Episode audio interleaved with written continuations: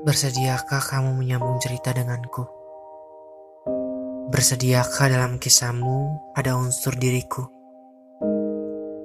Bersediakah jika kamu kujadikan peran utama dalam kehidupan nyataku dan menjadi sesuatu yang ingin aku capai?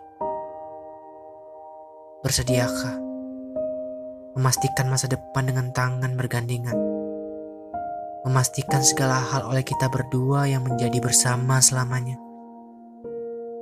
Dalam keadaan sunyi dan rendah hati, aku ingin bertatap mengatakannya.